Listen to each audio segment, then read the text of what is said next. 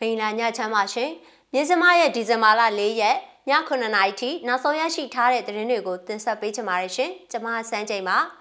စစ်တပ်ရန်တရားရက်တန့်ဖို့မတူပီမြို့ကို73စီတည်ယူခွင့်ပိတ်ထားတယ်လို့ CDF ကပြောတဲ့သတင်းရန်ကုန်မြို့နေရာအနှံ့အပြားမှာလုံခြုံရေးတင်းကျပ်စွာချထားတဲ့သတင်း ရှမ်းပြည်နယ်တောင်ပိုင်းအလဲကယန်းဒေသမှာကယန်းနှစ်ကူပွဲအကျဉ်းချုံပြုလုပ်တဲ့သတင်းအပအဝင်ရုရှားယူကရိန်းအရေးဘိုင်ဒန်နဲ့ပူတင်ဆွေးနွေးမယ်ဆိုတဲ့သတင်းတွေကိုတင်ဆက်ပေးသွားမှာပါရှင်။ချင်းပြည်နယ်ကသတင်းနဲ့စလိုက်ချင်ပါတယ်။ချင်းပြည်နယ်မတူပီမြို့ကို73စီတည်ယူခွင့်တားမြစ်ပိတ်ပင်ထားကြောင်းချင်းကာကွယ်ရေးတပ်ဖွဲ့မတူပီ CDF မတူပီတပ်ရင်းနဲ့တာဝန်ရှိသူကမြစ်စမကိုပြောပါရယ်စစ်တပ်ရဲ့ရန်ကြားကိုရပ်တန့်ချင်တာ သူတို့ကကားတွေနဲ့ကင်းလဲတာမျိုးနောက်တိုက်ပွဲတွေဖြစ်ရင်အလွယ်တကူကျွန်တော်တို့ဘက်ကိုစစ်ကူမပေးနိုင်အောင်မို့လို့အဆိုပါတာဝန်ရှိသူကပြောပါရယ်စစ်အုပ်ချုပ်ရေးရန်ရမလဲပတ်နိုင်အောင်ပြုလုပ်ရမှာစားတော့ကုန်ရိတ်ခါတွေကိုပိတ်ဆို့ဖျက်တောက်ခြင်းသာမကလောင်စာစီဖျက်ခြင်းဟာလည်းအရေးပါကြောင်းသူကပြောပါရယ် ဓာတ်စီတွေဒီဇယ်စီတွေကိုလမ်းမှာပိတ်ထားလိုက်တယ်ဆိုပေမဲ့ကျွန်တော်တို့ကအပိုင်ယူတာမဟုတ်ဘဲနဲ့ကားသမားတွေဒီလမ်းကပြန်လာလို့ရှိရင်ပြန်ပေးတယ်မလာနိုင်ဘူးဆိုလဲသူတို့ဂိတ်ကနောက်ထပ်ကားတစ်စီးနဲ့ပြန်လာယူလို့ရတယ်လို့ CDF မတူပီတာဝန်ရှိသူကပြောပါတယ်အဲ့လိုလောင်စာစီတည်ယူခွင့်ပိတ်ပင်ထားတာဟာအချိန်နှစ်ပတ်ကျော်ရှိပြီဖြစ်ပါတယ်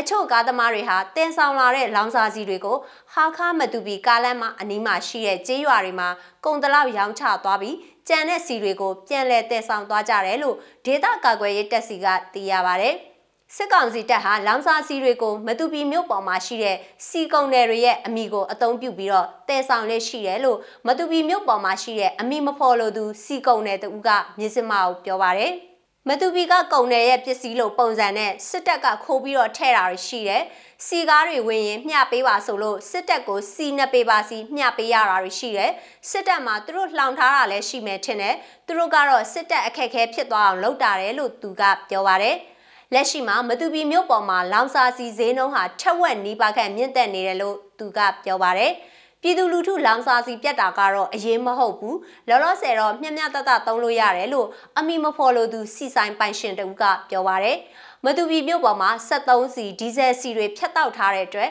ဒေသခံတွေအတွက်အခက်အခဲတချို့ရှိလာနိုင်ပေမဲ့လည်းစစ်အုပ်ချုပ်ရေးရန်တရားတစ်ခုလုံးရပ်တန့်ဖို့လှုံ့ဆော်တာဖြစ်တဲ့အတွက်နားလည်ပေးဖို့နဲ့အရေးပေါ်လိုအပ်ပါက CDF မတူပီတပ်ရင်းတပ်ဖွဲ့ထံလာရောက်ထုတ်ယူနိုင်ကြောင်း CDF မတူပီတပ်ရင်းနဲ့တာဝန်ရှိသူကပြောပါတယ်။ စီကုံနဲ့တချို့နင်းနာမယ်ဆိုတာနားလဲပါတယ်ခွင့်လွတ်ပေးပါလို့ပြောချင်ပါတယ်ကျွန်တော်တို့ကစစ်တပ်ကလူတွေလုံးဝအလုံးမလုံးနိုင်တဲ့အထီးပေါ့သူတို့နောက်ဆုံး CDM ဝင်လာမယ်ဆိုလဲကျွန်တော်တို့ကအရန်ကြိုဆိုတယ်အဲ့လိုမျိုးဖြစ်လာတဲ့အထီးကိုကျွန်တော်တို့ကစီကိုလုံးဝပိတ်ထားမယ်လို့ CDM မတူပြီးတပ်ရင်းနဲ့တာဝန်ရှိသူကပြောပါတယ် လက်ရှိမတူပီမြို့ပေါ်မှာအာနာသိန်းစစ်ကောင်စီတပ်ဖွဲ့က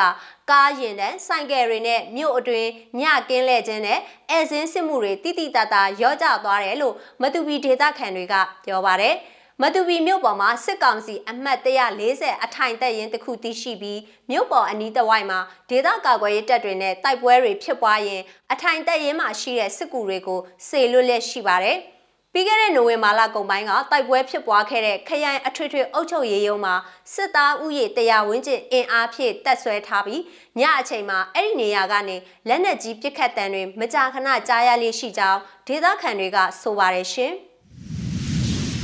ဆက်လက်ပြီးတော့ရန်ကုန်မြို့နေရအနှံ့အပြားမှာစစ်သားရဲနဲ့ရင်ထင်းရဲတွေအင်အားအများပြားလုံခြုံရေးယူထားတာကိုဒီကနေ့ဒီဇင်ဘာလ၄ရက်မွန်းလွဲပိုင်းအချိန်ကစလို့မြင်တွေ့ရပါတယ်။ ရန်ကုန်မြို့နေရာများစွာမှာမှတ်တိုင်တစ်ခုစာအကွာအဝေးစီနဲ့မီးပွိုင်တိုင်းလိုလိုမှာအင်အား9ဦးကနေ9ဦးအထိအစုဖွဲ့နဲ့စောင့်ကြပ်နေတာဖြစ်ပါတယ်။ရန်ကင်းမြို့နယ်နဲ့ဗဟန်းမြို့နယ်တွေမှာလည်းစစ်ကရဲကားတို့နဲ့ကင်းလှည့်နေတာကိုတွေ့ခဲ့ရပြီးလမ်းတစ်ဖက်စီမှာကင်းပုံးတွေချထားပါသေးတယ်။ဒီနေ့ရန်ကင်းပေါက်ထော်ကမင်းအောင်လိုင်းပိုင်တဲ့စေယုံမိုးကောင်းရတနာမိခင်နဲ့ကလေးစေယုံကိုခက်ကြီးကြီးတဲ့ကတယောက်လာမယ်ကြားတယ်။စစ်အာဏာသိမ်းကောင်းဆောင်မင်းအောင်လိုင်းကိုယ်တိုင်လာမယ်လဲကြားတယ် အဲ့တော့ဆေးရုံရှိကလမ်းကိုပိတ်ထားလိုက်တယ်လမ်းပိတ်ရုံတင်မဟုတ်ဘူးနေရအနှံ့အင်အားအပြည့်နဲ့ကိုကင်းလဲနေတာစစ်တာဆေးတာတော့မတွေ့သေးပေမဲ့ဝစ်စုံပြေလက်နက်ပြည့်နဲ့ကိုပတ်နေတာတွေ့ခဲ့ရတယ်လို့မျက်မြင်တွေ့ရှိသူတဦးကမြင်းစမကိုဆက်သွဲသတင်းပို့ပါတယ်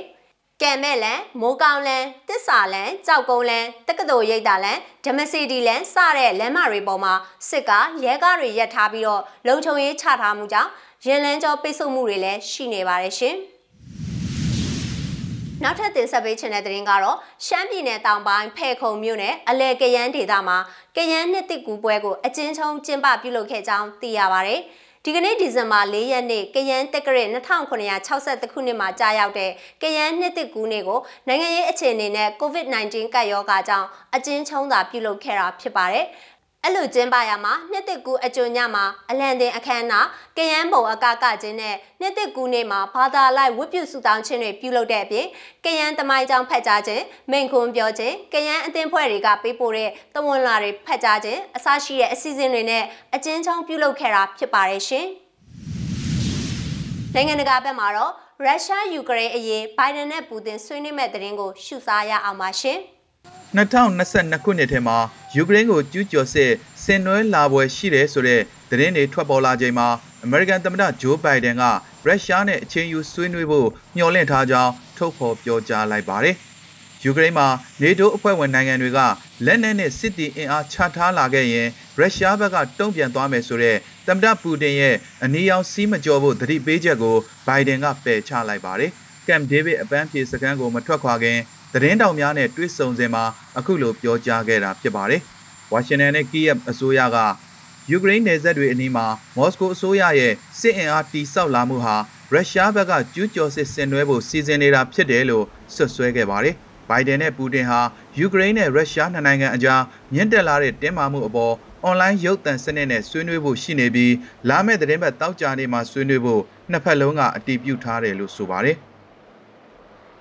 တမ္မတာကြီးခင်ဗျာယူကရိန်းကိုရုရှားကမကျူးကျော်အောင်တားဆီးဖို့ဘာတွေလုပ်သွားဖို့ရှိပါသလဲ2020နှစ်မှာရုရှားဘက်ကကျူးကျော်စစ်ဆင်နွှဲဖို့ရှိတယ်လို့ AP သတင်းမှာဖော်ပြထားလို့ပါရုရှားရဲ့စစ်ရေးလှုပ်ရှားမှုတွေကိုသတိထားမိတာအတော်ကြာပါပြီအချိန်ယူဆွေးနွေးနိုင်ဖို့ကိုပဲကျွန်တော်မျှော်လင့်ထားပါတယ်ယူကရိန်းနဲ့ပတ်သက်လို့အနီရောင်စီကြော်မလာဖို့ပူတင်ရဲ့သတိပေးချက်ကိုသမ္မတကြီးလက်ခံပါသလားဘယ်လိုပုံကိုမျိုးရဲ့သတိပေးချက်ကိုမှကျွန်တော်လက်မခံပါဘူးညစမရဲ့ဒီဇင်ဘာလ၄ရက်ည9:00နာရီထိနောက်ဆုံးရရှိထားတဲ့သတင်းတွေကိုတင်ဆက်ပေးခဲ့တာပါကြည့်ရှုအားပေးတဲ့အတွက်ကျေးဇူးအထူးတင်ရှိပါတယ်မြမပြည်သူတွေဘေးရန်တဲ့အပေါင်းကကင်းဝေးကြပါစေရှင်